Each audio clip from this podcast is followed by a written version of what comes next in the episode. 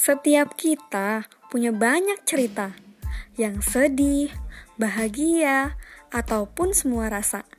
Memiliki arti untuk kamu, aku, dan juga dia. Yuk, bagi ceritamu.